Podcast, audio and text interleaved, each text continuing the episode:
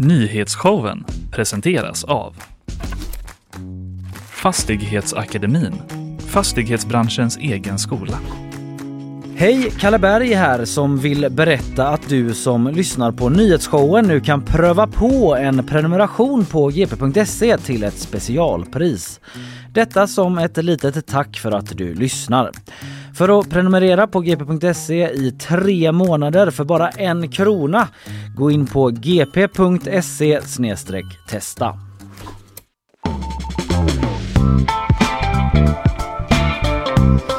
God morgon! God morgon Fanny! Ni lyssnar på nyhetsshowen live Ja. från GP-huset onsdag den 25 oktober. Glädjen och löningens dag.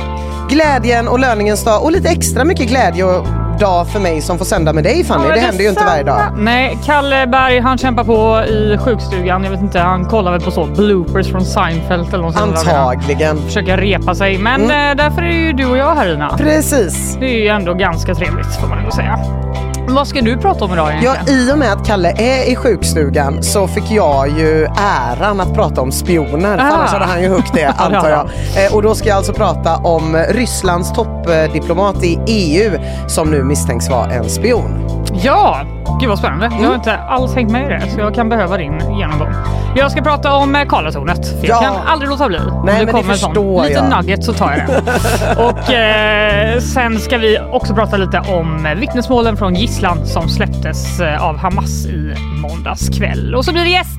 Ja, GPs USA-expert, legenden Britt-Marie Mattsson. legenden The one and indeed. only. Mm. Hon kommer och berättar om de senaste turerna i talmanskaoset i USA och det verkar kaosa vidare. Ah. Under natten har det bara hänt massa nytt kaos. Gud vad skönt. Alltså det, när det kaosar då är det Britt-Marie man vill vända sig till. Ja, det är verkligen det. Mm. Det. Det är en oklar påa av henne, men det är också så oklart läget är. Så det är verkligen väldigt tur att hon kommer hit. Aha. Sen blir det bakvagn. Ja det blir det. Det blir The Rock, det blir Celine Dion och det blir Beatles från mig. Men gud! Ja vad sjukt. När ja, du sa det så bra. Ja det var jättekonstigt. Det lät som en jättekonstig sån Lifetime Achievement Award-utdelning. Ja, verkligen. Jag ska prata om Hellström Street Art Ah. Eh, och eh, lite om eh, var någonstans det spökar i Göteborg. Otroligt. För jag antar att man vill veta det, Ja, det nu när man. det är halloween. Några vill söka sig dit, några vill söka sig bort. Ja, eller hur? Så Mm. är det. Hur mår du då? Nej men jag mår bra. Jag har precis blivit mamma till en 15-åring. Eh, är mitt barn sjukt. fyllde 15 igår, vilket var helt sjukt. Hon är inget barn längre. Nej, hon är 0% ett barn.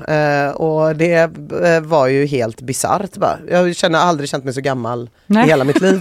Verkligen. Att man är så. Ja, men det, det, det var en eh, rude awakening på något sätt. Vad eh, fick hon i present? Ja men det var ju lite deppigt då för att vi håller på Blåvitt och eh, Blåvitt gjorde en usel andra halvlek i söndags kväll. Och det kändes lite när man på måndag morgonen skulle överraska sitt barn med ett årskort Nej! och en Blåvitt-tröja!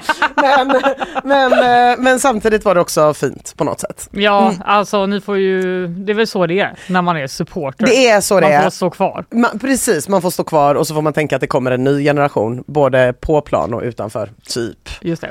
Det, Eh, hur är det med dig Fanny? det är bra, jag försökte för, förstå eh, producent Karls eh, supporterskap i morse när jag var så här, hur är läget? Ah. Och han var så här, bla bla bla, något med guys, jag Just mår det. dåligt varje dag, Mm, det är som mm. att vara kär fast inte glad Ja. eller någonting. Ja. Och jag kände bara, jag förstår inte. Nej, nej det är, det är, man utsätter sig för saker helt enkelt. Ja, Jag blir liksom avundsjuk men också jättelättad. Ja, att jag ja. slipper känna Ja, det, de det, tar, eh, det, det är väldigt många känslor Ja, som ska ut. så är det.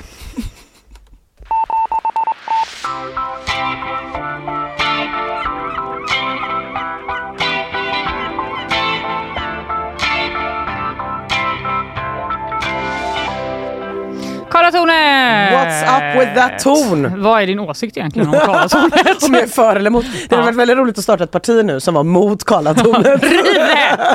Det är inte klart än, Nej. men borde det verkligen vara så Eh, fult? nej men eh, om jag måste välja mellan för och emot så väljer jag för. Ja. Varför? Du tycker det är fint? Du Nej, men det, det, har för, något? Nej men för, för, för mig så är det långt borta. jag bor i Majorna. Så jag ser, ju, jag ser det ju väldigt långt borta och det är väl kul att det händer något där. Jag, tycker, jag gick liksom upp från Slottsskogen in i Masthugget häromdagen Ja. och då fick jag sån sjuk panik. För det kändes som det var jättenära. Ja, helt plötsligt. När man står på berget bara! Nej men det förstår jag. Det, det, jag. Jag tycker så här om Karlatornet, fan nu blir det väldigt babbligt, förlåt jag ska säga jättesnabbt. Men det känns som att det dyker in en massa ganska fula höghus i kölvattnet från Karlatornet som ingen bryr sig om. Ja, det är att det är lite sant. så här, typ Järntorget har ju byggts ganska många ganska fula hus. Ja, de Och så- bara, kolla ditåt Ja, precis, exakt. Så det är mitt problem med Karlatornet, annars helt okej ton. Ja, det är helt okej. Tre av Det- fem ton. Det verkar som att det är, det- är svårt att undvika, så är det ju. Men eh, nu är det nämligen så att eh, det finns de som stör sig på, inte tornet i sig, men utan att det blinkar. Det, stö, det dök nämligen upp ett starkt blinkande ljus på Karlatornet för typ en månad sedan. Ett pulserande vitt ljus eh, strax eh, runt mitten av tornet då, om läser jag GP. Och eh, vi har tidigare pratat om det. Det är ett så kallat flyghinderljus och man måste ha ett sånt. Det är Ja. lagkrav på det helt enkelt i Sverige från både Transportstyrelsen, Luftfartsverket och Försvarsmakten. Alla byggnader över 150 meter behöver ha ett pulserande blinkande ljus dygnet runt. Eh, och det verkar ju inte vara då att man är rädd att någon ska flyga in i tornet. För att Nej. de flesta som flyger gör ju ändå det även över Karlatornet. Ja. Får man ändå säga. Ja, Eh, Men det är då att man ska ha någon slags visuellt stöd för de som flyger, typ eh, ambulanshelikopter till exempel. ja okej. Eller Mm. vanliga flyg. Eh, Detta säger Anders Klint på Luftfartsverket. Men det var ju ändå så att vanligt folk i Göteborg var så här, kan ni sluta typ på natten Mm. ha ett pulserande vitt ljus? För Det är något skitstörande. störigt. Ja, mm. Ja, och eh, nu har de helt enkelt eh, finkalibrerat, läser jag, Oj eh, då. det här ljuset. Det här är inte din morsas gamla kalibrering, det här Nej, är kalibrering det är på en helt annan nivå. kalibrering. utan att bryta mot lagen då. Okej. Det kunde man tydligen göra. Mm. Det de har gjort är att de har liksom dimmat ljuset på natten. Oh. Från skymningen, dimmaste dimmaste och sen på natten blir det bara rent svagt ljus. Eh, Men ändå tillräckligt starkt för att inte bryta mot lagen. eller hur? Så jag undrar bara varför de inte gjorde det från ja, ja, nej, det kan man verkligen fråga sig. Kanske för att de ville visa att de hade ett trick up their sleeve. De bara, vi har lyssnat på er nu. Ja, exakt. Och vi kommer alltid respektera er göteborgare. så därför har vi dimmat Karlatornet. Men bara så ni vet, det är inget fel med det. Det bryter inte mot lagen. Det blinkar fortfarande, bara lite svagare när det är mörkt.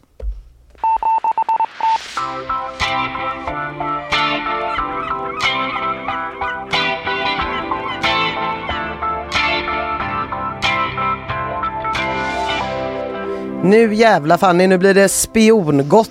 Jag är redo. Bra. Eh, mer specifikt ska vi prata om spionen som kom in från kylan och blev en diplomat istället. Wow. Eh, Expressen har i samband med en massa andra europeiska tidningar avslöjat igår då att Rysslands toppdiplomat i EU, Kirill Loginov, placerad mitt i självaste Bryssel, misstänks vara en spion. Gud vad pinsamt. Så jävla Ah, pinsamt. Jag får panik. Det är då den belgiska säkerhetstjänsten som står för den här anklagelsen. Och den belgiska säkerhetstjänsten säger så här, vi har varnat EU om det här tidigare, men inget har gjorts åt det. Nej. Nämen! EU! Jag bara, nej, men han, inte, han är skittrevlig den gubben. Han kan inte vara spion. Han är toppen! Eh, första gången som Loginov eh, har pekats ut som spion då verkar ha varit i samband med ett stort massutvisande av ryska diplomater från EU eh, som var eh, precis efter Rysslands invasion av Ukraina. Då passade man på att utvisa svinmånga. Egentligen var de här utvisandena av diplomaterna en protest mot invasionen. Men det är klart att de olika EU-ländernas säkerhetstjänster passar på att göra sig av med liksom spioner, kanske diplomater som man trodde var spioner. Några man bara Lite störde skönt. sig på trodde jag också. Ja. Att man bara var såhär, nej, dumt, Ni åker också. Ni åker också. Och redan då, alltså tidigt 2022 blir det, utpekades Loginov som misstänkt spion och fick ändå stanna. Mhm. Och sen dess så har han stigit ytterligare i graderna Okej. här i EU då. Eh, Och sen ett år tillbaka är han högsta chef för Rysslands EU-mission. Å andra sidan kanske det inte är svinsvårt att stiga graderna när alla andra är utvisade. Ja, Så att eh, man är var den enda kvar. en ganska lat Du får jävla göra streber. allt, allt jobb. Det är så det blev nu. Okej, that's a promotion. Eh, så det som hände var belgiska säkerhetstjänsten varnade EU, absolut ingenting hände. Eh, och enligt Expressen så fanns han först med på listan över diplomater som skulle utvisas men plockades bort efter påtryckningar från EU själva. Och sen dess så har den belgiska säkerhetstjänsten varnat igen, uppladd, eller liksom uppbackat av flera andra länders säkerhetstjänster. Och alla de här säger bara så här, men hallå, Loginov är ju en spion som använder Rysslands EU-mission för att bedriva hemliga operationer och spionage. Men alla försök att utvisa honom har stoppats av EUs diplomattjänst som har hänvisat till citat politisk hänsyn. Slut citat.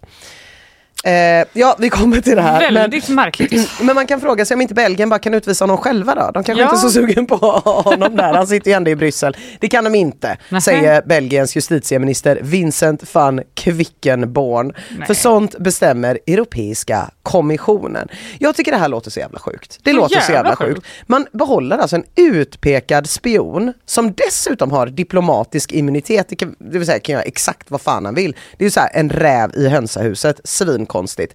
Men verkar det som inte jätteovanligt. 2018 så skrev Associated Press om USAs största massutvisning av spioner någonsin. Man hade en lista då på 100 diplomater som egentligen var spioner och nu jävlar skulle det rensas upp va. Så man skickade hem alla 100. Nej, man skickade hem 60 av de 100. Resten fick stanna med sin diplomatiska immunitet i takt. Och det, alltså det är så jävla sjukt. Men så här säger då experter som AP har pratat med. Ja, spionage är liksom, det är lite löskert, det är lite osmakligt, det är ofta olagligt. Men det är också vardagsmått. Alla gör det, säger experter då till Associated Press. Alla gör det. Alla länder gör det, så risken är om du skickar hem alla Rysslands spioner, då skickar Ryssland hem alla dina spioner. Aha. Och det här kallas då för tit for tat på riktigt i Nej. diplomatiska kretsar. Jo, och så kan man ju fan inte ha det. Och dessutom är det ju så här, när du väl vet att någon är spion, då kan ju du spionera på dem istället för att skicka hem dem. Jaha. Så att det finns lite olika anledningar till att man inte skickar hem Jag är jätteorolig diplomater, nu. Trots att man vet att de är spioner. Det är internationellt rävspel på riktigt jävla hög nivå. Och det är inte bara i EU och i USA som man liksom ser lite mellan fingrarna när det gäller diplomater och sådana här grejer.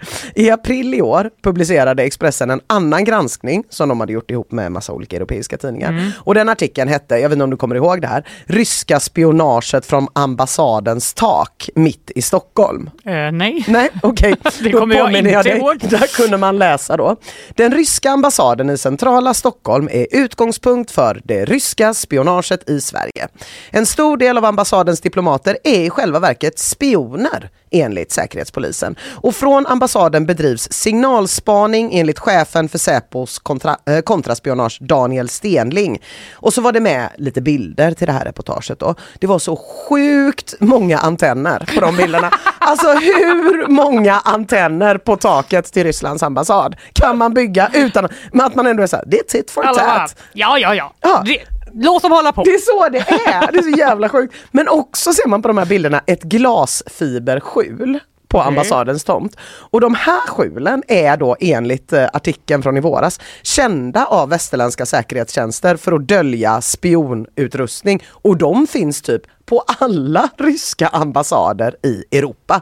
Artikeln fortsätter. Störst är anläggningen på taket till ryska ambassaden i, i Madrid där skjulet täcker hela taket och i praktiken utgör en extra våning. Alltså vad är det här för jävla diplomater? De bygger någon slags så spion-penthouse mitt i Madrid. Det är, fan ju rätt iskallt. nästan så att man undrar om de vill. Att, bara, check us out. Hur går det för era spioner då? Vi har byggt en våning här i alla fall. En våning av glasfiber.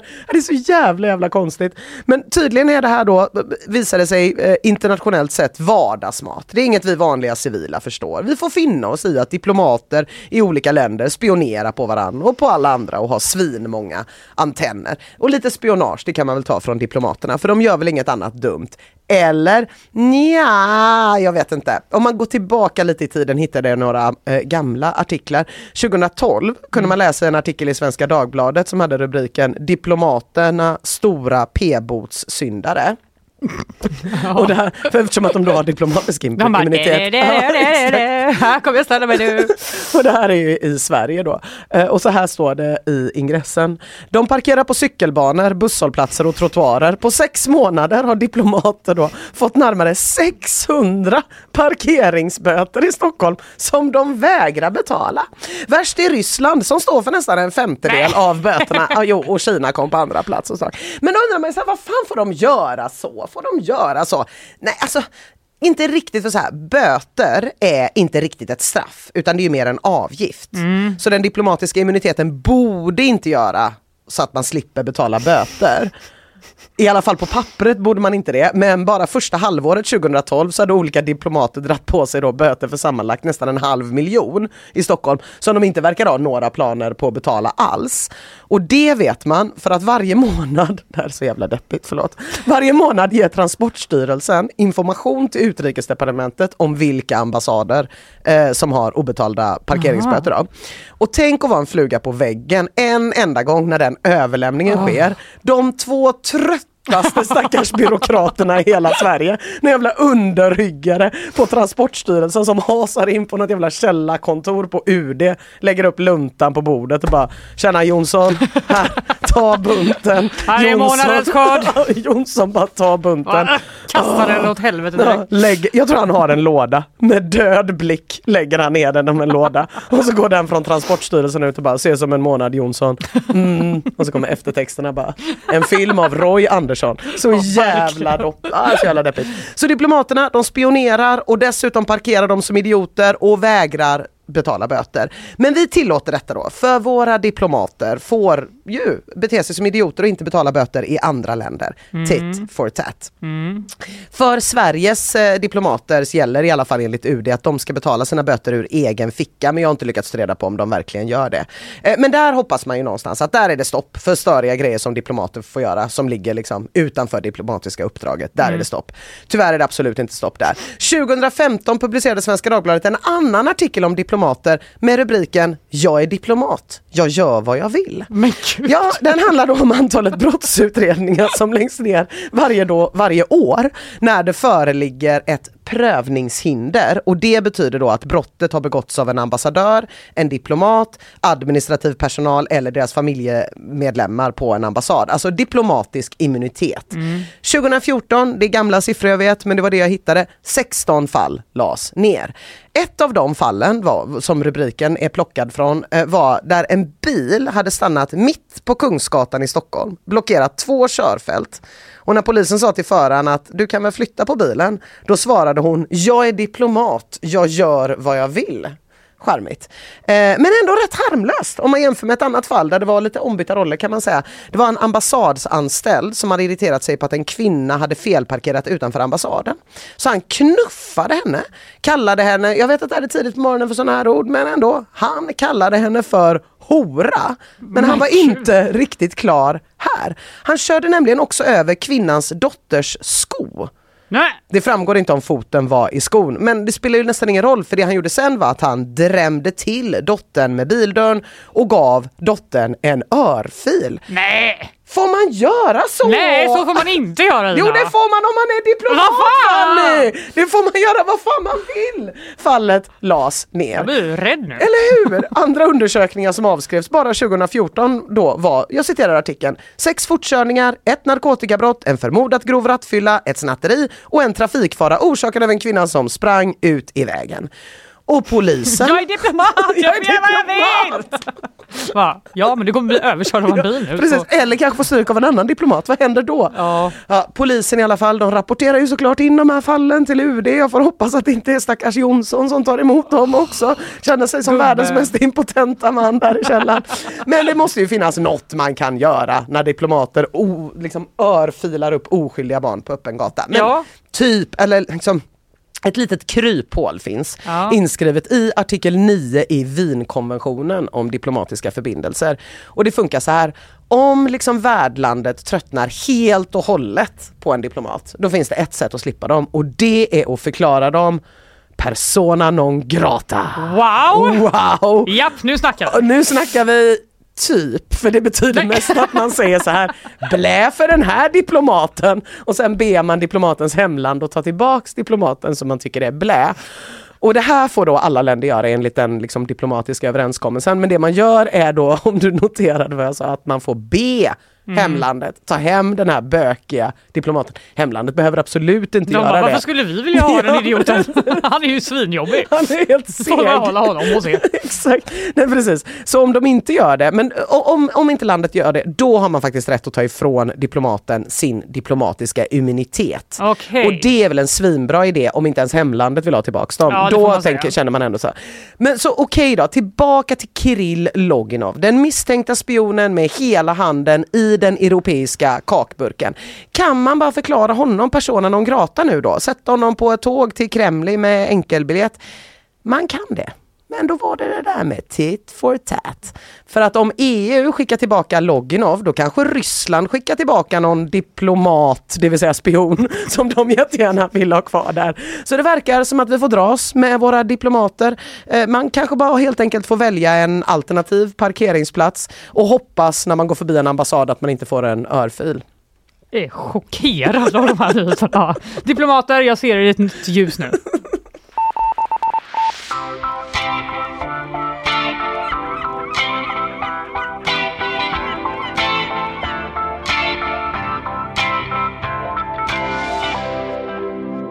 Jag ska repa mig från den här informationen, men eh, vi ska snart få ett nyhetssvep. Först ska vi få lite sponsorer va? Ja, Ja, det får vi. Nyhetsshowen presenteras av Fastighetsakademin, fastighetsbranschens egen skola. Hej, Kalle Berg här som vill berätta att du som lyssnar på nyhetsshowen nu kan pröva på en prenumeration på gp.se till ett specialpris. Detta som ett litet tack för att du lyssnar. För att prenumerera på gp.se i tre månader för bara en krona, gå in på gp.se testa. Då var Isabella Persson här på sin eh, lilla stol. Ja, hej god Isabella. morgon. God morgon, hur är läget? Det är bra det är det. Händer det något ute i världen? Eh, det gör det. Det Ja. gör det alltid. Det brukar vara så. Mm. Vi kör ett litet svep. Yes. Nej. Flera svenska män ska ha gripits i nordöstra Tunisien, det uppger flera medier. Men uppgifterna går isär om hur många det ska handla om. Ekot rapporterar om sex personer medan SVT Nyheters uppgifter säger att det handlar om fem personer som frihetsberövats. Gripandet ska ha skett i samband med en poliskontroll där man bland annat ska ha hittat misstänkt narkotika och pistoler i bilen. Och enligt uppgifter till SVT ska flera av de gripna ha kopplingar till nätverket Foxtrot. Men UD har i nuläget inga uppgifter om det här gripandet. Den utpekade terroristen Abdesalem Lassouad som misstänks för att ha skjutit ihjäl två svenskar och skadat en person allvarligt i Bryssel förra veckan ska ha frågat efter det svenska landslagets hotell. Det var i samband med fotbollslandslagets match mot Belgien som dådet inträffade. Efter en omfattande polisinsats så sköts Lassouad till dödsdagen efter eh, dådet av polis. Men flera personer har senare gripits i Frankrike efter att de enligt uppgifter haft kontakt med Lassouad dagen innan dådet. Enligt nya uppgifter till tidningen Le Parisien ska ett samtal pågått om var det svenska landslaget sov natten före matchen och den numera gripna ska ha uppmanat Laswad att söka efter informationen online. Men den gripne förnekar all inblandning i händelsen. Israel kommer inte släppa in bränsle till Gaza, det uppger landets militär. Anledningen säger man är att Hamas kommer att använda det för sina operativa behov.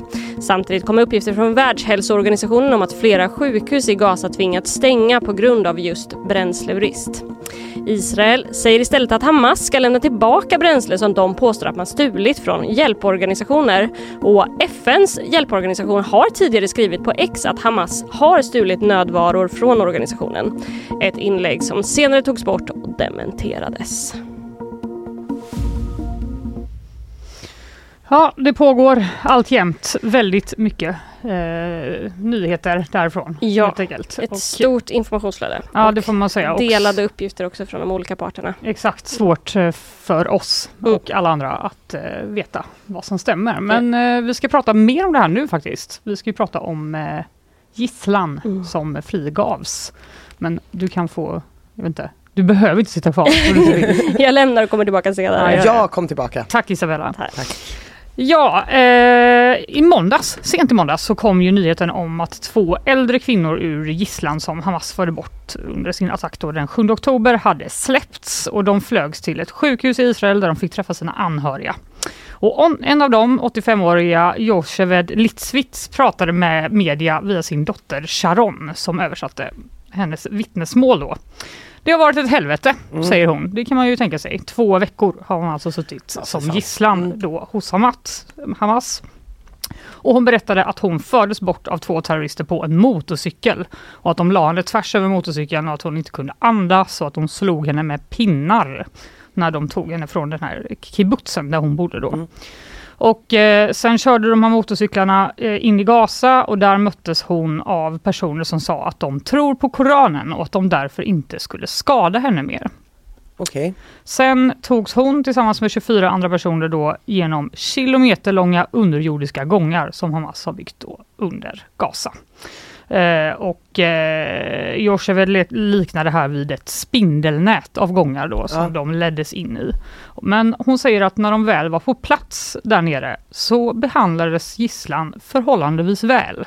De hade liksom tänkt på varje detalj sa hon och eh, de var väldigt väl förberedda på att ha gisslan där nere helt enkelt. Okej. Det var ju en del av deras strategi Mm, som mm. vi vet eh, nu. Eh, de levde i rena, eh, på rena ytor och de fick sova på madrasser och varannan eller var tredje dag så fick de träffa en läkare.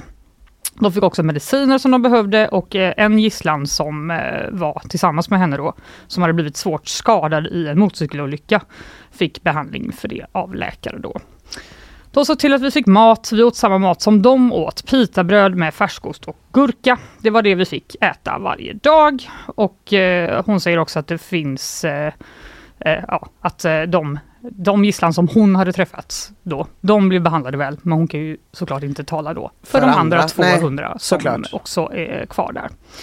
Eh, och igår så spreds det då bilder på när, som Hamas själva har släppt på när Jocheved friges Mm. och man ser att hon tar sin gisslantagares hand när hon ska gå då eh, från Hamas och ledas in då av de israeliska som ska frige henne.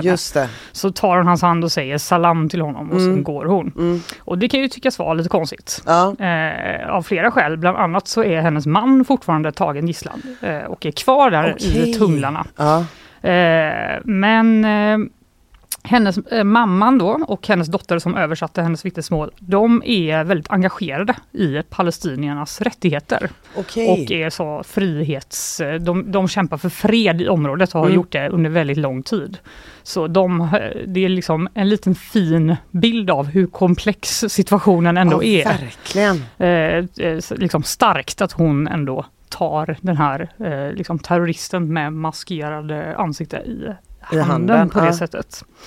Eh, och SVTs Aktuellt då, de har pratat med Rita som är eh, uppvuxen här i Göteborg och hon är svärdotter till Jocheved.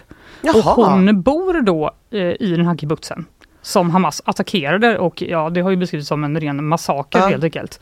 Men hon var inte där exakt den dagen då, den 7 Okej. oktober. Eh, men hon är på plats där nu och SVTs reporter ringde upp henne då och hon beskriver och filmar då hur det ser ut eh, i det här huset där Jocheved bodde. Och det är ju mest då spillror kvar, vi ska lyssna på ett ljud från det. Men nu har jag lite gelé i mina ben när jag kommer närmare. Jag kommer närmare gränserna och jag är inte en rätt person. Vår eh, affär som var helt ny, sån här supermarket som vi hade i bränd. Matsalen i bränd. Våran färgfabrik i bränd som många arbetare jobbar och även utanför kibbutzen jobbar. Ja, man ser då att hon går runt bland, ja det är ju egentligen bara nerbrända hus Mm. eh, kvar och filmar och det ligger liksom barnböcker som de har slängt ut och så här. Ehm, och hon säger ju att hon är lite rädd när hon går runt men Mm. hon vill ändå visa för världen hur det ser ut där såklart.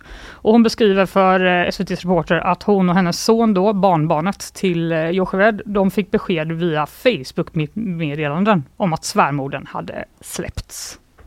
Ja, det kändes helt underbart. Och det var en helt otrolig känsla, liksom tårarna bara rann och vet, hon tänkte ju på mig hela tiden också i och med att jag bor på kibbutzen. Vilken tur att jag och mitt barnbarn inte var här.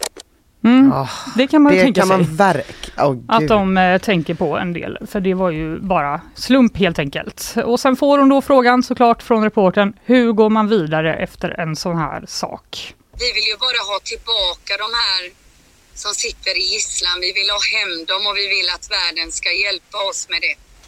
Liksom, det är det viktigaste för oss nu att vi ska få dem hem. Och världen vill ju hjälpa dem med det. Det f- eh, pågår ju väldigt intensiva förhandlingar där flera länder är inblandade då för att få frigivna gisslan från Hamas. Eh, Israel har också släppt flygblad igår över Gaza där de uppmanar palestinier att avslöja information om var terroristerna kan ha gisslan. Och om man gör det så lovar de att man ska få en belöning och också eh, liksom, någon slags skydd för Ja. den uppgiftslämnaren då. Ja. Eh, och det ska då enligt uppgift vara minst 200 gisslan kvar eh, i de här tunnlarna. Det är ju gamla, det är barn, det är spädbarn, det är funktionsinsatta, det är soldater, det är civila, det är Mm. alla möjliga. Det är också människor med dubbla medborgarskap. Så det är ännu fler länder som Ah. vi vill ha såklart sina egna såklart. medborgare Ja, mm. eh, ut därifrån. Så vi får väl se helt enkelt hur de senaste, eller de kommande dagarna kommer att eh, ja, utspela sig. Kanske är det fler eh, gisslan som släpps.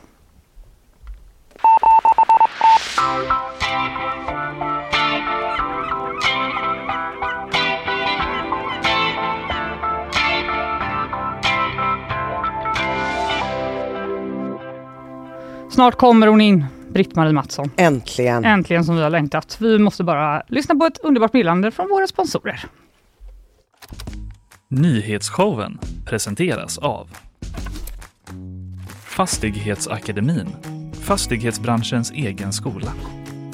Hej, Kalle Berg här som vill berätta att du som lyssnar på nyhetsshowen nu kan pröva på en prenumeration på gp.se till ett specialpris. Detta som ett litet tack för att du lyssnar. För att prenumerera på gp.se i tre månader för bara en krona, gå in på gp.se testa. Vad är det egentligen som händer i USAs kongress? Varför har de ingen talman? Vill ingen vara det? Kan de inte bestämma sig? Eller har det löst sig nu? Vi förstår inte och det är därför det är så skönt att ha vår egen Britt-Marie Mattsson, GPs USA-expert och eh, the one and only legenden här. Ja, så himla, Hjälp oss! Himla skönt. Ja, hjälp, Hjälp oss förstå! Hjälp oss! Det är så himla rörigt. Ja. Och kanske för att förstå hur rörigt det är. Efter att vi gick och la oss igår så har alltså en person då, Tom Emmer, blivit nominerad till talman och sen hoppat av. Och en ny kandidat, Mike Johnson, kommit fram och nominerats. Det här är alltså två nomineringar som har skett sen igår kväll. Medan vi låg och sov Medan vi låg och sov! Hur ska man kunna hålla koll på det här? Nej, det, alltså det är faktiskt så att det är svårt för amerikaner också. De flesta känner inte till de här namnen ens. Nej. Det är ju 435 platser i representanthuset. Och där har då Republikanerna majoritet, 221 närmare bestämt, två vakanta och så är då Demokraterna i minoritet. Då tycker man att den här majoriteten som ska välja en talman skulle kunna välja ändå och vara liksom överens om det. Men nu råkar det vara så att det finns en stark högerflank inom Republikanerna i representanthuset och den styr och ställer. Den förre talmannen behövde ju 15 omröstningar innan han kom till och sen sparkar de ut honom och han kallar då de som styr nu för de galna åtta. Men de är lite fler än åtta faktiskt. Men det, är- det är det, de som då ser till att det inte blir en majoritet som kan eh, se till att det blir en talman helt enkelt. Varför kallar han dem de galna åtta? Om de Därför- är ännu fler. Ja, precis. Därför att de, ja, det har du rätt i. Kan han inte räkna? Nej, han har räknat fel. Precis, men det handlar ju då om att de är, det är åtta stycken som är väldigt starka. Det finns en som heter Freedom Caucus, ganska många faktiskt, men åtta där är, ja alltså i, även i svensk mening skulle man nog säga att de är rätt galna. Alltså. De, ja, men i alla fall, de styr och ställer och det beror på att de har den här lilla då, alltså de måste ju komma upp till 217 för att kunna välja en en talman. Och det har de ju, Republikanerna, men kan de inte komma överens så håller det på så här. Nya mm gubbar, för det är ju det det är frågan om, i varierande åldrar. Men vad händer när liksom, representanthuset inte kan välja en talman? Alltså vad gör ens representant... Alltså nu blir det dumma frågor Ja. från mig Britt-Marie, men vad gör ens Jo. representanthuset? Alltså, eh, kongressen är det samlande namnet på Ja. representanthuset och senaten. Så det är två kamrar kan man säga. Och representanthuset är den som har många, de har alltså 435 och det, finns, det representerar alla kongressdistrikt i alla delstater. Senaten har bara 100, det är två från varje delstat oberoende hur stor delstaten är. Okej. Så att det är senaten Ja. som är så att säga överhuset här. Ja, okej. Men det måste, till exempel budgeten måste passera först Just det. representanthuset. Och där ska den klubbas igenom för att sen då komma till senaten. Och där har demokraterna majoritet och då klubbar de igenom. Sen ska presidenten skriva under. Och får man inte den processen att gå igenom från representanthuset så blir det bara stillastående. Och problematiken här är, kan man tänka, ja ja men de kan väl sitta och slå igenom den här budgeten i alla fall. Nej, därför att det är talmannen som ska sköta detta. Gud! Ja, ni förstår, så har man ingen talman så kan man inte, man har i och för sig en tillfälle som då säger Hallå allesammans, nu ska ni sätta er ner och nu ska vi börja här. Men har inte den funktionen som talman. Och den här talmannen ovanpå allt för komplicerade är nummer tre i rang dessutom. Det är presidenten, vicepresidenten, talmannen. Så det är ganska viktig post. Det är mycket viktig Utan post. talman i representanthuset, ingen budget Nej, alls. nej, och talmannen formellt i senaten är vicepresidenten. Så att ni ser, det är tre stycken här Ah. som har maktfunktioner. Och har man då ingen talman så kan man inte klubba igenom budgeten. Man kommer alltså inte, kommer ingen vart. Och där har vi då denna budget nu som Biden har lagt fram och som den här Kevin McCarthy, kommer ni ihåg honom? Det var han som röstades bort nämligen Ja, alldeles nyligen. Han eh, förhandlade fram den här budgeten med Demokraterna, en tillfällig budget. För att inte hela statsapparaten skulle stängas ner, att det inte skulle finnas några Ah. pengar. Och därför då så, så, och då blev de här eh, galna åtta och en del andra blev skitförbannade för att uttrycka det enkelt och tyckte att han hade svikit de stora moraliska fina värdena och sparkade ut honom. Men det också, sen är det en annan komplikation här och det är att de här åtta då med ett, som du ju säger, betydligt fler kring sig. De är då också väldigt starka anhängare av Trump. Så Trump sitter och styr och ställer med detta. Och den här, den här Mike Johnson nu just nämnde, Just honom, honom kanske vi kan glömma, man vet aldrig. Nej, men kanske. kanske just för detta nu har han lagt av. Men i alla fall, det, det här, alla de som hade kommit fram stödjer ju Trump på olika sätt och hävdar då att det var valfusk. Ja. Och då sitter ju då Trump där och styr och ställer. För att ytterligare komplicera detta så kan man då konstatera att nere i Georgia där det då går i rättegång just nu där det handlar om var det verkligen valfusk och alla advokater som stod på Trumps sida som får fram en massa osanningar. Nu börjar de gråtande erkänna att de haft fel och ber om ursäkt och eh, slå mig inte och jag bara får inte, bara sitter i fängelse så erkänner jag allt. Så där är det full kalabalik. I New York är det full kalabalik för där är ju då dessutom Trump ställd inför rätta för ekonomisk brottslighet. Ah. Och sen har vi det som kommer nu, den här stora som kommer förmodligen i februari, mars någonting. Den stora rättegången som handlar om hela detta med den här stora stormningen utav Kapitolium. Ja. Där också Trump är mitt. Ni fattar, Ja, det här är en sörja. Det är det verkligen. Ja, Jag gillar att de är där nere och skriker slå mig inte. Bara jag slipper hamna i fängelse nere i Georgia. Men, men vad tror du då? Tror du att Mike Johnson kommer bli talman nu? Nej, det är väl inte mycket som talar för det. Så jag, jag kan bara säga så här, han är också en gammal talkshow-host i Okej. radio. Mm. Det, Jaha. ja, ni fattar. Ja, ja visst. Ni, vägen är bara liksom rak. Nästa talman! Ja, precis, det är bara liksom att satsa. Det är synd att ni bor i Sverige, annars skulle ni satsa av stort. många skäl. Men i alla fall, så att nu är det så att det är inte alls säkert utan eh, han är ju också extrem. Och han har ganska lite erfarenhet också. I, eh, man sitter ju bara på två år. Ja. Så det är det som, alltså för ett år sedan så var det så att då valdes hela det här representanthuset. Och nu om ett år är det val igen. Ja. Och, då ska, man- och det förra gången så trodde de att åh, Trump sa jag tar mitt trollspö över det här. Nu kommer det bli en jätteslam här. Bara rassla in republikaner. Tvärtom, de förlorade. De behöll, då fick jag majoritet. Men inte alls så stor som man trodde. Så risken är att de kan förlora representanthuset här fram, nästa val. S- Och då gäller det att lägga sig läge här. Hur ska man nu positionera sig här? Just det. Så vem ska nu våga sig fram här? Ja, jag Ja. hade inte varit så sugen. Nej, man är verkar ju inte Ja, jättesugen. men säg inte det, så du har rätt som det är så blir du talman och då det är ganska nice som de säger. Alltså, det är inte så dumt, alltså, då får man en väldigt stor makt trots Ja. allt. Och så skriver man in i böckerna, så är man nummer tre trots allt i maktkonstellationen där. Men, det, vad tror du att det kan bli någon särskild om det inte blir Mike Johnson? Finns det någon, finns det någon som kan rädda upp den här Ja, det skiten? sitter ju en tillfällig eh, som är talman, fast han har ju inte alls talmansfunktioner utan det är han ska sammankalla kan man säga. McHenry tror jag han heter. Jag kan ha missat namnet här men så kan det vara. Och han kan ju då eventuellt, man tänker, ja men okej låt honom sitta. Han kan väl sitta färdigt då ett drygt år. Men på ett år kan det hända väldigt mycket i en valrörelse. Och de här på högerkanten vill absolut ha en person som är som dem. Och det är så att budgeten är ju inte antagen. USA har bara en tillfällig budget som ligger fram till den 17 november. Så Nej. innan den 17 november så måste de komma överens om någonting. tiden... eh, Nu det- rasslar det iväg. Vad händer annars då? Ja, då är det så att om man inte kan komma överens om budgeten så släcks då delar av statsapparaten ner. Ja just det. Alltså väldigt mycket kan, off offentliga tjänster kan inte betalas, man har ingen ordning på sig själv, det är inte ens militären ordentligt. Och vad som har hänt är den här tillfälliga budgeten som nu ligger, som har tagit bort Ukraina-stödet där. För det vill inte den här Just högern det. ha med. Så det finns inte ens med. Nu har vi stödet till Israel också som ligger på tapeten. 105 miljarder dollar ska ut här. Vid sidan av allt det andra, är det här militära stödet.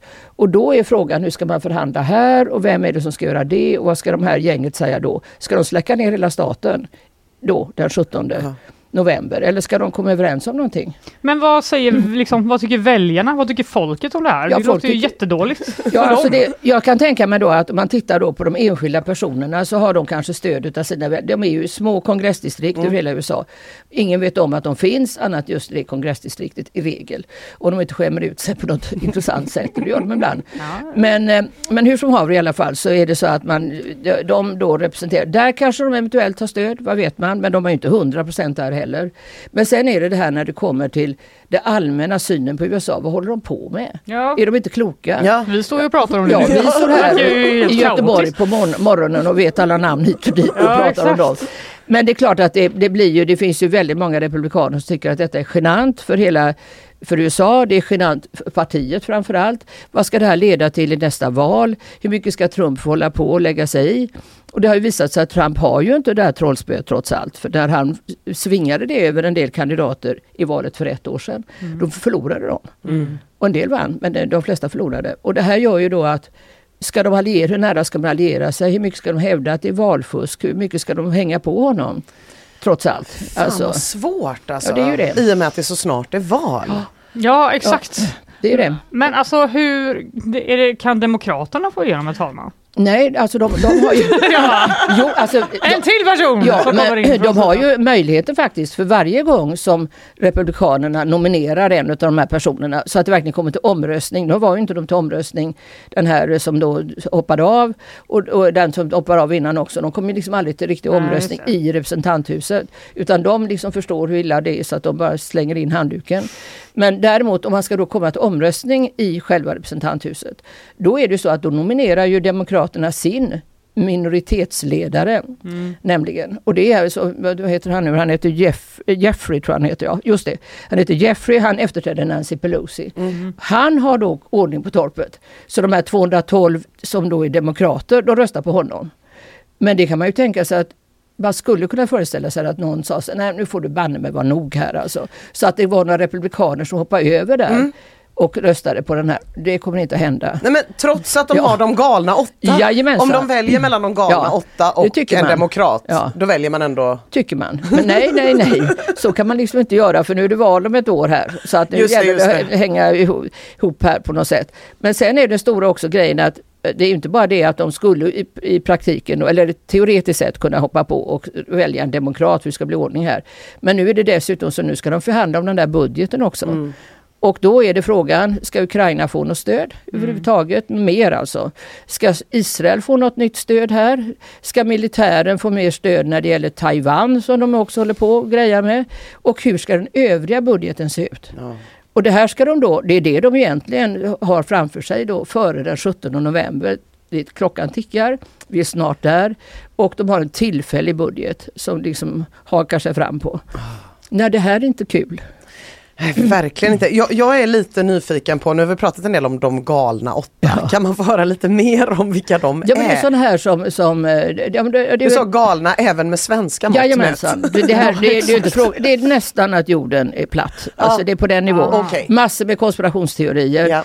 De hävdar att eh, Hillary Clinton då egentligen, vad hade hon? eh, Hon styrde en pizzeria i Washington. Ah, det är lite pizzagate gott. lite sånt. Mm. Och, eh, och där minsann, och de, är, de har då eh, övergrepp på barn. Alltså det finns allt, det finns ingenting som de skyr från. Mm, Nej. Och då tänker man så här kan man ju skratta och tänka sig, det är ju inte klokt den här. Du vet en som heter Major Taylor Green till exempel. Man, alltså man, man, man står inte ut när hon kommer fram och säger saker och ting. Men hon är omvald, valdes en gång, omvald och tillhör de här citat galna åtta som Kevin McCartney har döpt dem till. Och det tycker ju nästan alla andra, ganska bra beskrivning också på dem. Så att de har ju det, och sen är det den stora grejen att valfusk, eh, egentligen legitima presidenten Donald Trump, men nu börjar det skaka under fötterna på dem lite grann när de ser hur de här gråtande advokaterna nere i Georgia håller på och säger åh, åh, hjälp och jag, jag, jag erkänner allt. Och, och då jämför man ju det med vad de sa bara för när det här valet var. Så att det, det ligger skakigt. Men sen är det ju också, alltså hela situationen är skakig. Joe Biden ställer upp i omval. Det finns en diskussion, är han för gammal? Det kan han möjligtvis vara, inte vet jag. Men hur som haver, så att här ligger ju också då att där, det finns ju sådana då också som är egentligen demokrater som nu har börjat st- starta egna partier. Alltså dels oberoende kandidater och så dessutom No Label heter ett annat som är en grupp då som inte vill överhuvudtaget vara förknippad med de två. Och då säger man så här, kan de vinna ett presidentval? Absolut inte. Nej. Men de kan fördärva ett presidentval. Åh, Nämligen. herregud. Ja men de går in, de sitter till exempel, de- vi säger nu Florida för enkelhetens skull. Ja. Ett kongressdistrikt där som Ja. kommer att avgöra alltihopa. Där plötsligen finns det en kandidat som är no label eller en oberoende kandidat.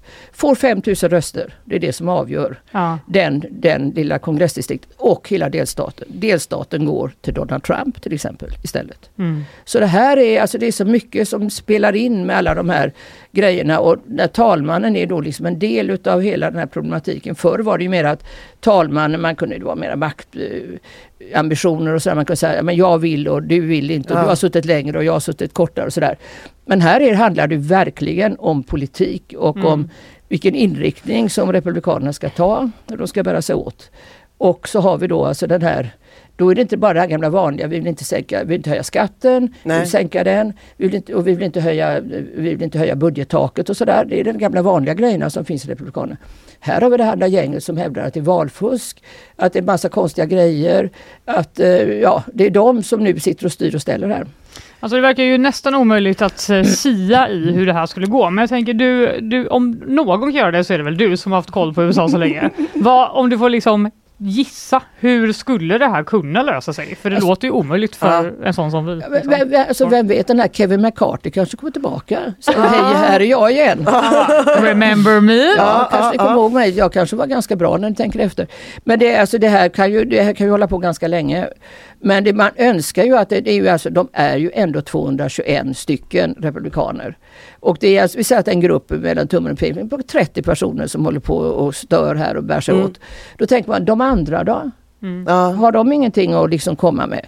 Men det finns en rädsla här också så att ja, men, medan vi står här, de kan, den här stackars Mike Johnson kan ha kastat in handduken, vad vet vi? Under natten, han ligger och sover nu tror vi kanske. Det är väl det som räddar oss kanske att vi inte har en ny ytterligare. Men jag, jag, det här kan nog fortsätta ett tag. Men det här, det här är ju inte bra för USA och det är inte bra för Republikanerna heller Nej. faktiskt. Utan där kan ju nu eh, Demokraterna för en gångs skull, de har ju en vänsterflank i sitt parti i representanthuset. Men de håller de liksom lite grann kort. De, när det verkligen gäller så är man okej. Vi respekterar era åsikter och så men här är det majoriteten som styr. Nu ska ni inte hålla på här och bråka för det blir ingen, det inte bra helt enkelt. Nu får ni banne med skärpa er. Och då, bruk, och då lägger man en våt filt på det här. Det brukar man ju lyckas klara i de här grupperna. Och det skulle man ju för, hoppas då men det finns liksom ingen stark republikansk företrädare, så Nancy Pelosi när hon var i Demokraterna, hon var ju stark. Hon sa att det är jättebra att vi har olika åsikter, men sammanhållning är bättre. Mm. Så varsågoda här i de slutna rummen kan ni ha era åsikter och så. Men nu är det så här va, att nu är det vi som, ska, som grupp som ska besluta oss för någonting. För riket och för partiet. Så de liksom för att det här, det, det är två tänkbara scenarier. Ja. Antingen att då Republikanerna hittar någon att Ja. ena sig bakom. Men göra det finns det. också ett alternativ som är att Demokraterna också börjar hålla på att splittra Ja. sig och dela in sig i olika Men jag, delar. ja men jag tror att de nu ändå har fattat att här gäller det i alla fall att framstå som någonting annat. Ja. Men det är klart att förr eller senare så måste de ju få till någon. Men det betyder ju inte att den personen sitter kvar resten. Utan då är det den här budgeten som ska fram. Nu har vi fått en ny talman. Hej hej, varsågod och här står du och så kul för dig. Och sen plötsligt ska det här förhandlas då om en ny budget då med Demokraterna för att få fram någonting. Ja då har den här personen gjort något fel då. Pang säger det, så är den ut. Och så är den här processen igång igen. Kan det gynna Demokraterna det här? Ja det tror jag. Mm, Därför okej. att utan enkla skälet att eh, de, de verkar i alla fall lite mer sansade och Ja, together som det heter. Man blir lite, ja, man kan säga så här, vi, innan du, du kom så trodde vi det var kaos. Men det visade sig att det var ännu mer kaos Ja. än vad man kunde föreställa sig. Det var inte bara det här med talmannen utan det var det hela andra också. Ja, Vad skönt att jag fick röra till det ytterligare. Ja, nej men det gjorde inte det. Jag känner mig jätteupplyst. Ja, Så jag med. Det var väldigt eh, fint och skönt att ha det här, Britt-Marie Mattsson. Ja, Tack så mycket för att jag alltid. fick vara här. Tack. Tusen tack. tack.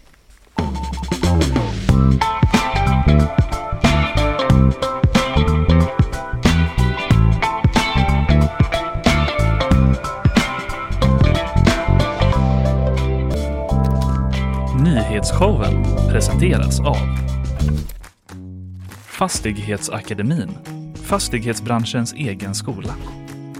Hej, Kalle Berg här som vill berätta att du som lyssnar på nyhetsshowen nu kan pröva på en prenumeration på gp.se till ett specialpris. Detta som ett litet tack för att du lyssnar.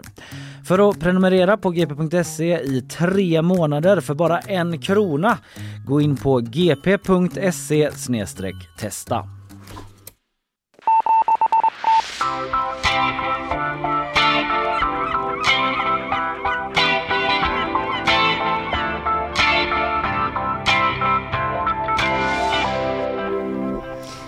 Hej Isabella! Hej Isabella.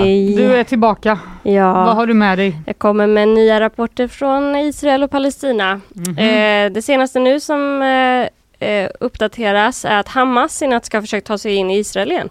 Jaha. Oj.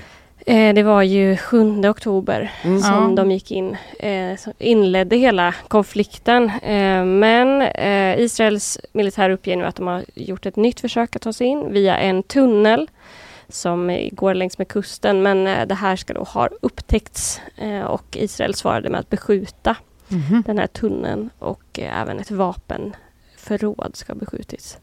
Så man har slagit tillbaka den här, det här försöket. Mm. Eh, sen kommer det också um, uppgifter om att Israel ska ha beskjutit militära mål i Syrien. Mm. Eh, Okej. ja, Ja, det är... det rör sig i området så att det, säga. det är inte helt eh, enkelt. Det är ju liksom en konflikt som man är rädd för att den ska sprida sig. Libanon och Syrien har ju varit omtalade tidigare. Israel har evakuerat folk därifrån. Eh, det här som Israel har beskjutit nu är ett militärt mål eh, i Syrien som ska vara kopplat till den syriska militären och eh, ska vara ett svar på eh, någon form av beskjutning från igår Mhm. exakt vem som ligger bakom och mm, vilka organisationer det handlar om och så vidare eh, kan vi inte uttala oss om nu då. Nej. Men eh, det är eh, konfliktfyllt i hela regionen just nu. Ja. Vi följer ju detta vidare. Det gör vi. Jag tänkte också berätta lite om någonting som kanske hamnat lite i skymundan den senaste tiden. Något som tyvärr inte heller är upplyftande är ju att kriget i Ukraina också fortsätter och pågår löpande. Mm. Hela tiden. Den senaste eh, tidens rapporter handlar mycket om en stad som heter Av- Avdijivka. Mm. Avdijivka. Eh, som ligger längs med den nordöstra fronten. En stad som eh, eh, hade 32 000 invånare, en ganska liten stad. Eh, men numera så verkar det bara vara 1300 som är kvar. Oj. Oj jävlar. Mm. Eh. Ja, de vill inte lämna. Nej, det pågår ganska intensiva eh, strider där just nu. Eh, Ryssland har den senaste tiden intensifierat sin närvaro och sina attacker mot det här området. Eh, jag kan inte uttala mig om eh, liksom betydelsen av den här staden eller så, varför man gör attacker, men det pågår i alla fall strider mycket runt den här, det här området. Vilket också gör det svårt och de attacker mot liksom besörjningslinjer och så, så det är svårt att även få in hjälp, det är svårt att evakuera ut folk från det här området. Eh, det här är uppgifter som kommer från Ukraina. Ukraina å sin sida då eh, pågår ju deras motoffensiv som pratades väldigt mycket om för några månader sedan. Den Mm. pågår ju fortfarande, vi är inne på femte månaden där. Där har man, eller de börjat fokusera mer på eh, Krim och Mhm. eh, intensifiera sina strider där mot Krim Mm. och även attacker mot Svarta havet, ryska styrkor eh, på Svarta havet. Ja, Så eh, där, det pågår också löpande Ja. eh, rapportering därifrån. ja, det var bra att vi fick en uppdatering därifrån känner jag. Det ska vi absolut inte heller glömma bort. Nej, det ska vi inte göra. Kriget pågår även där. Tack så mycket Isabella Persson. Tack. Tack.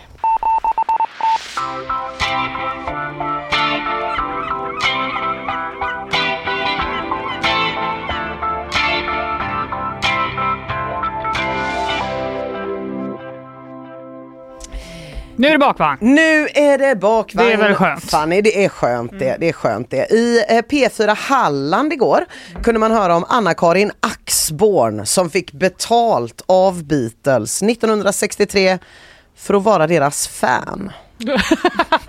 Det är faktiskt väldigt roligt nu i efterhand. Visst är det? Visst är Men det? vad sjukt, får man göra så? Ja är det tydligen. Det, det eh, känns ju väl, det känns som något, jag vet inte, jag, jag drog tankarna till någon tidig form av typ influencer marketing. Du vet att man så här Ah. köper följare på Instagram som vissa gör. Så här, ja, men det kan vara någons konto man är inne på som har så 600 000 följare och så har de två likes på varje bild. Och så Ja, man så här, det. det här är köpta Man följare. bara, vänta lite nu, varför heter alla så jättekonstiga bottnamn som följer dig? En typ Anna-Karin och Axborn, väldigt Mm. konstigt bottnamn. Nej, men hur sjukt är det inte att Beatles liksom var föregångsfigurer när det gäller det här? Det är därför de blev så kända, Eller hur? förmodligen. Bandet landade i Sverige och Arlanda för första gången 1963 Mm. och då ville Beatles att det skulle bli lite hype. Så de betalade ett gäng som aldrig hade hört, tjejer, obs, Ah. säkert snygga, gissar. Ja, snygga svenska tjejer. ja, eh, som aldrig hade hört talas om Beatles för att stå på flygplatsen och bara wow! Och Anna-Karin Axborn beskriver det som att det var lite så här, man börjar skrika så, wow! men efter ett tag så börjar man ju skrika för att alla runt en skriker. Ja, så det var ändå det. ganska lätt att komma in i rollen. Så hon fick Eh, feeling. hon fick feeling och hon beskriver det som att det var en kvinna som hörde av sig till Anna-Karin och hennes kompisar och sa att de skulle få konsertbiljetter. Anna-Karin och hennes kompisar sa väl antagligen typ eh, okej, fast vi vet ju inte vilka de är Nej. så att vad ska vi med det till? Tack, Så de men fick, nej tack. Eh, de, kunde även, eh, de, de fick även pengar då. Ja. Om de kunde tänka sig att vara låtsasfans eftersom att killarna citat tyckte det var kul när lite tjejer skriker. Så där stod de på Arlanda och låtsasskrek när några helt okända klev ur flygplanet. Det är så jävla awkward situation. Så jävla stelt eller? Tänk att vara i den situationen. Du vet att du har fått så. Vad, vad tror vi att de betalade? Ja det är en väldigt bra fråga. Inte svinmycket Nej. uppenbarligen, Nej, för de inte. var ju inte kända. I dagens penningvärde, du får en konsertbiljett och 350 spänn. Ja, alltså under 500 tror jag. Ja, jag tror också under 500. En bra bit under 500. Ja. Ja, men vi säger 350. Fanny, du står på Landvetter vid terminal 5. Du har fått 350 kronor och en konsertbiljett till bandet The Bugs. det helt okända bandet The Bugs. Du tar med dig dina bästa tjejkompisar som verkligen vill ha 350 kronor. Säger åt dem att snatsa upp sig, snofsa sig ordentligt. Liksom, vem börjar skrika? Ja, alltså jag, vet, jag tror att jag hade gått in hårt för det här. Du tror hade- det? Ja, ja, faktiskt det. Du har ändå stä- ställt dig längst fram och tagit lite kommando över Jag hade varit såhär, nu kör vi tjejer. Ja. Nu gör vi vårt jobb här. The bugs! They're fucking amazing! Jag tänker så här, om jag då ikläder mig rollen som en av the bugs Ja. som kommer ut där och så Ja. ser jag dig Fanny. Jag säger inte att du inte är övertygande. Men jag känner ändå att jag någonstans hade märkt att det inte var äkta kärlek. Ja, det hoppas jag. Eller hur? Man hoppas det. Eh, att man liksom så här, de här får betalt och är inte här för att de vill. Men det verkar i alla fall som att Anna-Karin Axborn och hennes galna gäng Ja. lyckades lura Beatles. För så här sa de under den resan då eh, i en intervju med Sveriges Radio. It all it all makes up for it with the Swedish girls. Beautiful girls. Oh, lovely. Bra flicka. Bra flickor. Så de sitter så självgott och bara Bra flicka, beautiful Swedish girls. De fick betalt Beatles, de Mamma. fick betalt. Eh, ja, de var ju inte där för er skull, men De var okej. där för 350 spänn, ett happy meal och en biljett som de sålde vidare. Och så satt de där dumbommarna och bara bra flicka. Bra Folika! Det låter faktiskt lite hemskt nu när man vet att de betalar dem. Eller Men, hur? Ja, jag vet inte. Grattis eh, till, eh, vad hette hon, Anna-Karin. Anna-Karin Axborn. För en väldigt bra anekdot. Eller hur?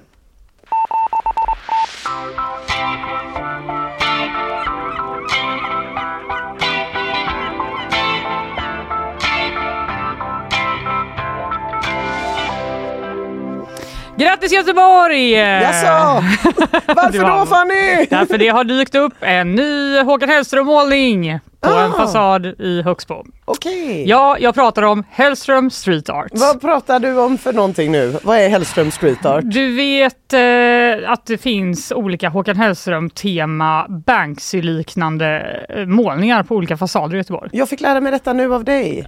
Eh, Om du tittar på den här, känner du igen stilen? Eh, ah, ja, ja, ja, ja, gud ja. Det är ju, de finns lite varstans Ah, eh, ja, faktiskt. ja, ja, ja, ja, just det. Det finns en till exempel vid Göteborgs moské, vid ett, ett hus som ligger där Mm. och eh, även utanför Ullevi finns det. Ja, okej. Sådana här... eh, Ja, Ullevi har jag sett. Just det, Ja, på bild. Där Mm, finns, mm, mm. Den är ju liksom uppe på en sån pelare Just på det, just det, just det. Eh, Nya Ullevi, ja. Den ser ut så här. Ah, ja, men jag på visste inte att, ah, ja, och allt det här är alltså del av ett större projekt som Det- heter Hellström Street Art. Det är en person. Han är anonym, likt Banksy. Likt Banksy. Han eh, är maskerad, eh, han har intervjuats men vill inte då berätta vem han är.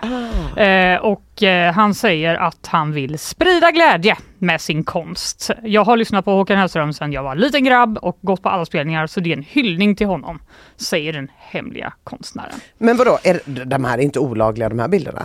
Nej, alltså grejen är att det står så här. Oftast arbetar han på nattetid. Då tänker jag så här, ah, okej, Ja. är han ute och liksom gör det då eh, olagligt? Men då är det så här. Det är för att det är lättare att se bilden i mörker eftersom han gör, tar en projektor på Ja, fasaden. Precis, det är 0% olagligt ändå. Jag tror att det är tvärtom då. Det är typ så här. Familjebostäder bara, hej!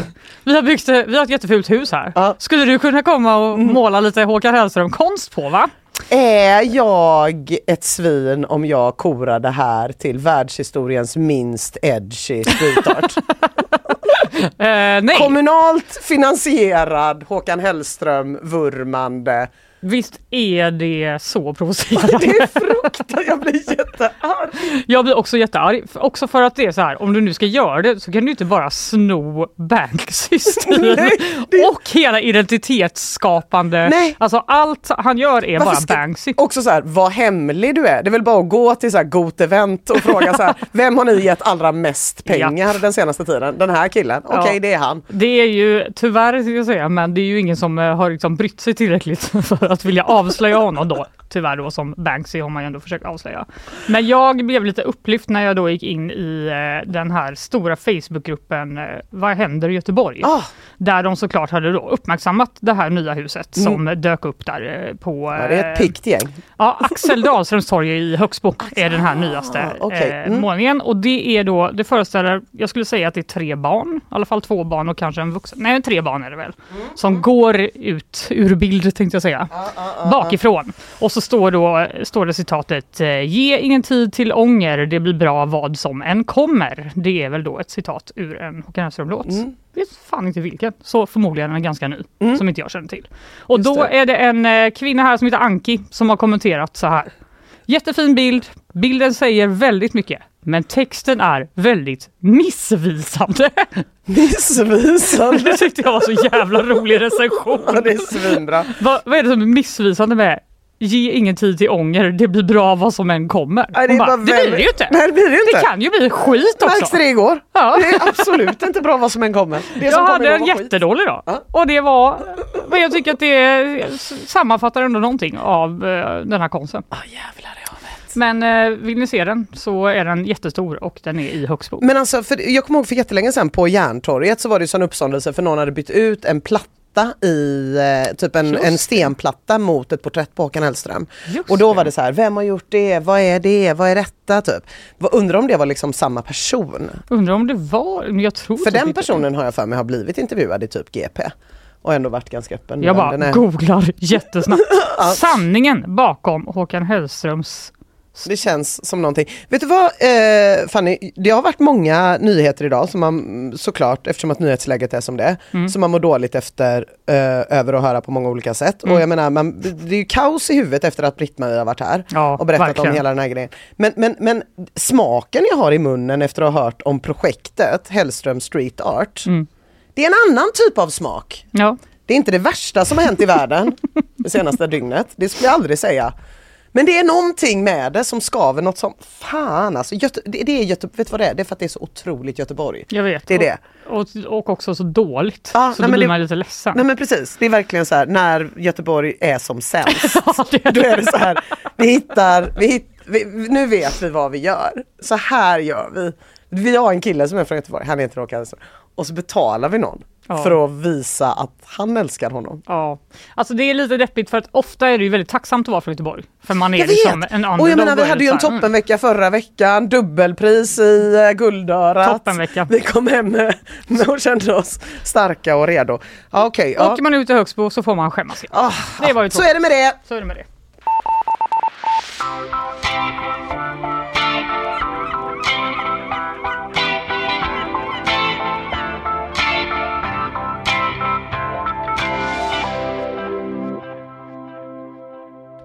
Kan vara så.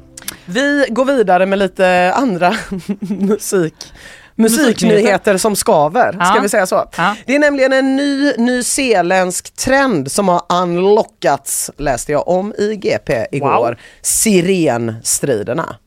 Det är bilar då som battlar om vem som kan lassa på allra flest högtalare på sitt tak och låta allra, allra högst. Mhm.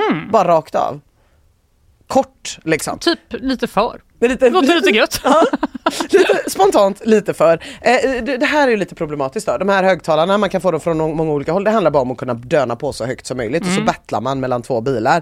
Eh, en del av högtalarna är stulna och är Mm. egentligen varningshögtalare som ska ropa ut när det sker en naturkatastrof. är du fortfarande för nu Fanny? Alltså- för problematiskt i så fall. Lite. Lite för, lite Nej, för. det är Ja. absolut inte. Det är jag emot. Nej.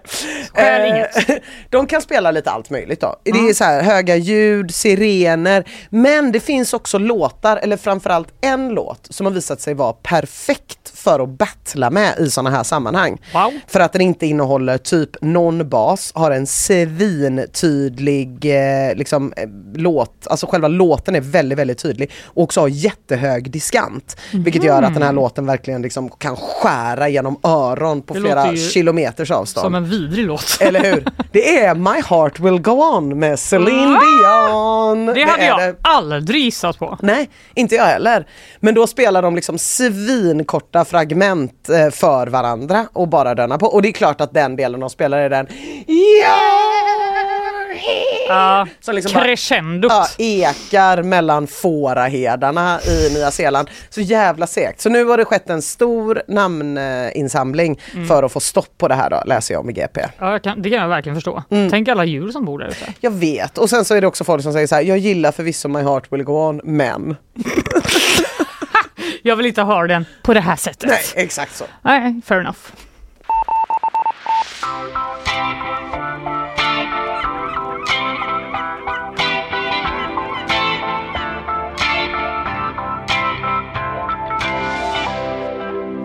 Nu säger Carl Jansson, det hade vi ju i Sverige också. Någon som hade Hesa Fredrik i sin EPA-traktor. Ja, just det! Det är fan sant. Stals i Ljusdals eh, kommun. Men eh, Ja. det är som sagt uppmuntrar vi inte till. Nej. Nej, usch. Rätt jävla Ljusdal-nyhet alltså. Fy fan vad bra. De bara breaking news! Breaking news. Ja. Epa-traktor, bla bla bla. Ja, i alla fall. Eh, nu ska vi prata om något helt annat Ja. för att vi ska pröva. Jag såg då en artikel här på g.se med rubriken Här spökar det i Göteborg. Nej. Och då kände jag, ja det vill jag ju veta. Ja, i och för sig, Var det det ju. någonstans? Ja. Så jag inte kan gå dit. Exakt. Det inte, jag känner mig inte jätte... intresserad av spöken. Nej, inte jag heller. Inte så rädd för det, men ändå lite, blir lite så. Okej, v- vad är det för ställen vi snackar om här? Man skulle också kunna gå dit och titta på folk som tittar på spöken. Det skulle man också verkligen kunna göra. Men eh, det står så här i artikeln. I Göteborg finns det gott om platser som sägs vara hemsökta. Nej, men, Jaså? Eh, och då har de valt ut fem ställen här. Vi behöver inte gå igenom alla, men jag kan säga att nummer ett är Hotell Eggers. ja, men det tror jag också. Det känns ju... procent. Det tror jag faktiskt också. Jag Mm. Och det men- hedrar Hotell Eggers att de har den stämningen. Ja, det är ju bara att de inte har liksom renoverat sönder hela sitt hus. Exakt. Så alla bara, här måste det väl spöka. har du sett att Precis. de har typ kristallkronor? Det Och... här ser ju inte ut som Kastrups flygplats. Då spökar det. Det är inget Hotel of mine. Alla Scandics bredvid bara, här kan det bo om ni med spöken. Varför har ni flera rum och inte bara en enda stor sal när man kommer in? Varför har ni väggar? Det måste spöka. Det är för att spökena ska någonstans att gömma sig. Ja exakt, Mm. För, men det, det står faktiskt så här. Eh, Eggers är ett av eh, Sveriges äldsta hotell då. Ja. Anor från 1820-talet. Och eh, det är då ganska specifikt här vilka, vilket rum det spökar i. Ah. Det är nämligen rum 397 på den fjärde våningen. Oj. En städerska som jobbade på hotellet på 90-talet har berättat att hon en gång såg en äldre kvinna i knut sitta vid fönstret när hon gick dit för att städa. Hon lämnade rummet eftersom hon trodde att hon hade gått fel, men när hon dubbelkollade listan så stod det att rummet skulle vara tomt. Och när hon gick in igen så var kvinnan spåret försvunnen. Hon kan ju kanske bara ha gått in där och sen gått ut. Men Spontant så är jag också lite skeptisk när man hör den här typen av grejer. Ibland är det svårt att förklara bort. Det här känns väldigt enkelt. ja, det Mm. måste jag ändå säga. Kvinnan gick in i fel rum, insåg här bor inte jag. Eh, satte Nej. sig, tog igen sig och gick ut. Exakt. Men va, å andra sidan vill jag väldigt gärna att det ska spöka på Eggers. Jag vill också det. Ja. Det står också så här, vid ett annat tillfälle så ska hotellpersonalen ha bäddat i dubbelsängen i rummet då. Men Mm. när de kom tillbaka för att lägga ut handdukar så var det precis som att någon suttit på den nybäddade sängen. Lite specifikt också. Fan Eggers! De Det var inte så, men det var precis som att någon hade gjort det. Fast inte gjort Nej det. det var inte avtryck alltså, absolut inte. Det var en känsla mer. Det var en känsla mer. Nej, jag vill att de, lite bättre spökhistorier. Ja, de eh, tror att det är Ebba Eggers som spökar. Ja. En eh, direktris på hotellet på 40-talet som Nej, dog i en flygolycka. Ja, men. Men enligt eh, den ny, nuvarande hotelldirektören eh, så har både gäster och personal känt av hennes närvaro. Nej men det- okej, det köper jag. Ja, det gör jag också. Det är bestämt Det nu. blev typ lite bättre nu när man visste att det var en specifik person. Ja, verkligen. Ja. Eh, sen verkar det vara lite olika. Här Spinnhuset vid Svingen. Det är en gul stenbyggnad. Jag vet inte vilken det är. Nej, vilken- Svingen. Det används som där. kulturhus. Okej, ja, jag vet inte vad det är. Det är nog, just det, det är nog mot vattnet där, mot Ullevi. Mm. Kan det vara det? I alla Men fall, ett gammalt spinnhus lär ju folk ha mått piss i i några det år. har också varit ett eh, kvinnofängelse. Såklart. Där kvinnor eh, bodde och arbetade under usla levnadsförhållanden. Nej. Vissa var dömda för barnamord och fosterfördrivning. Mm. Ja, Okej, det kanske är inte så konstigt att man tror sig då ha sett spöken där. Nej. Kan jag ändå känna. Eh, det är också en specifik person dock. 30 30-åriga Anna-Katarina Åman som avtjänade sitt straff för häxeri tillsammans med sin femåriga son. Nej men gud Nej men, äh, Hon ska också ha hängt sig i sin cell nej men gud. för att det var så eh, hemskt att vara där Ja. helt enkelt. Eh, och då 20, 2004 så berättade en städare i GP att man hade hört steg och möbler som flyttades på övervåningen. Men när hon gick upp så var det tomt. Ah. Okej, där hade jag faktiskt inte varit. Jag, jag kände mig rätt trygg med att sova i rum 397 eller vad det var för någonting. Ja. Men jag hade verkligen på Eggers, men jag hade verkligen inte velat sova i det där gamla spinneriet. Nej, det hade verkligen inte jag heller. Eh, det finns ju då många fler exempel. Vi kan länka den här eh, artikeln för de som vill veta eh, fem olika ställen att gå till eller undvika beroende på hur man känner för spöken.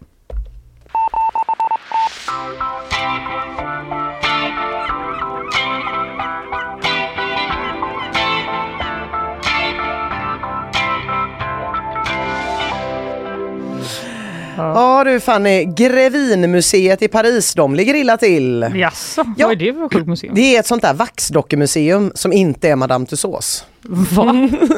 Jaha, Så att det är ett vaxdockemuseum helt enkelt. Ja. Och det verkar storma på det här museet lite då och då. För några år sedan gjorde de ett rätt osmickrande porträtt på Macron eh, som fick plockas bort. Mhm. Eh, och för ett år sedan då fick de ju ta bort sin Putin-docka efter krav från besökare som inte tyckte det var så nice. Men inte för att den var så ful då? Nej, utan, bara mer, för att, eh, precis, mer för att Putin hade invaderat eh, Ukraina.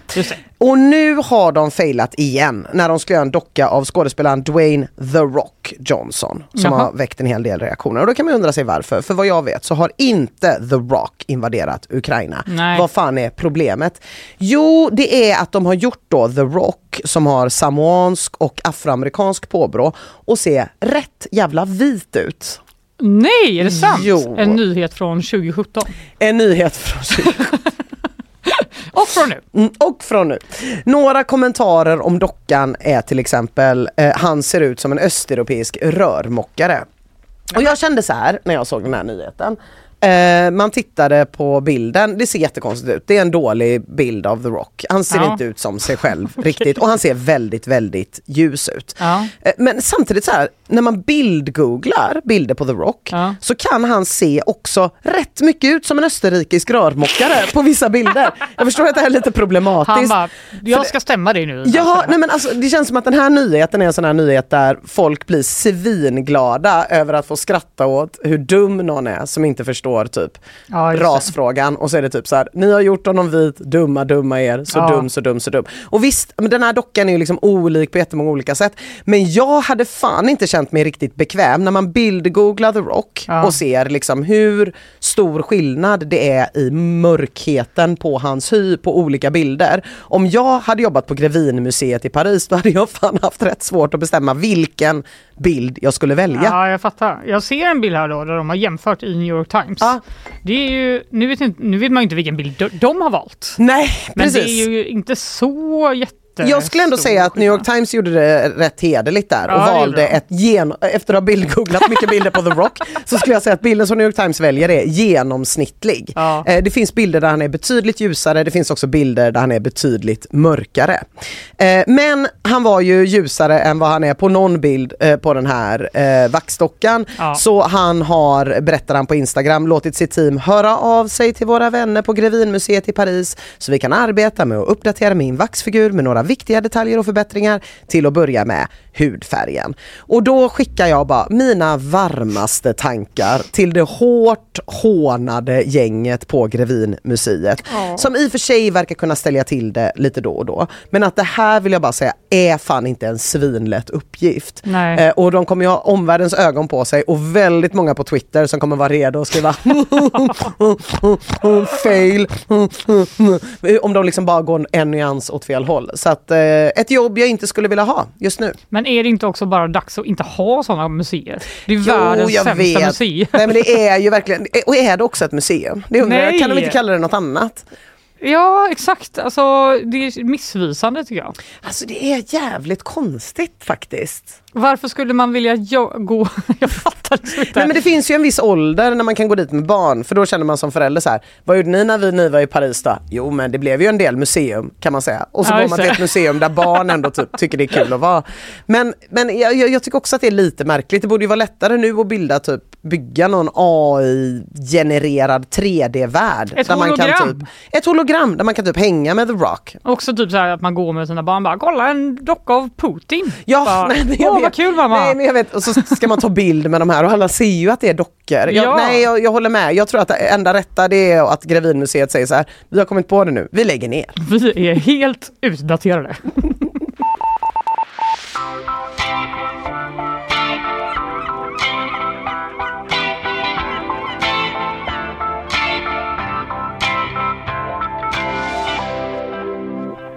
Förra veckan så kom en eh, nyhet om att eh, ett skelett som hade varit del av eh, teaterrekvisita på Danderyds gymnasium hade plockats bort efter misstankar om att det kan ha varit en riktig människas Nej men skelett. snälla någon, det här är väl ändå inte okej? Nej, det är väl ändå inte okej. Skelettet hängde i då eh, taket men togs ner när en vårdnadshavare, alltså en förälder då, Ja. undrade om det inte var ett äkta skelett som hängde där.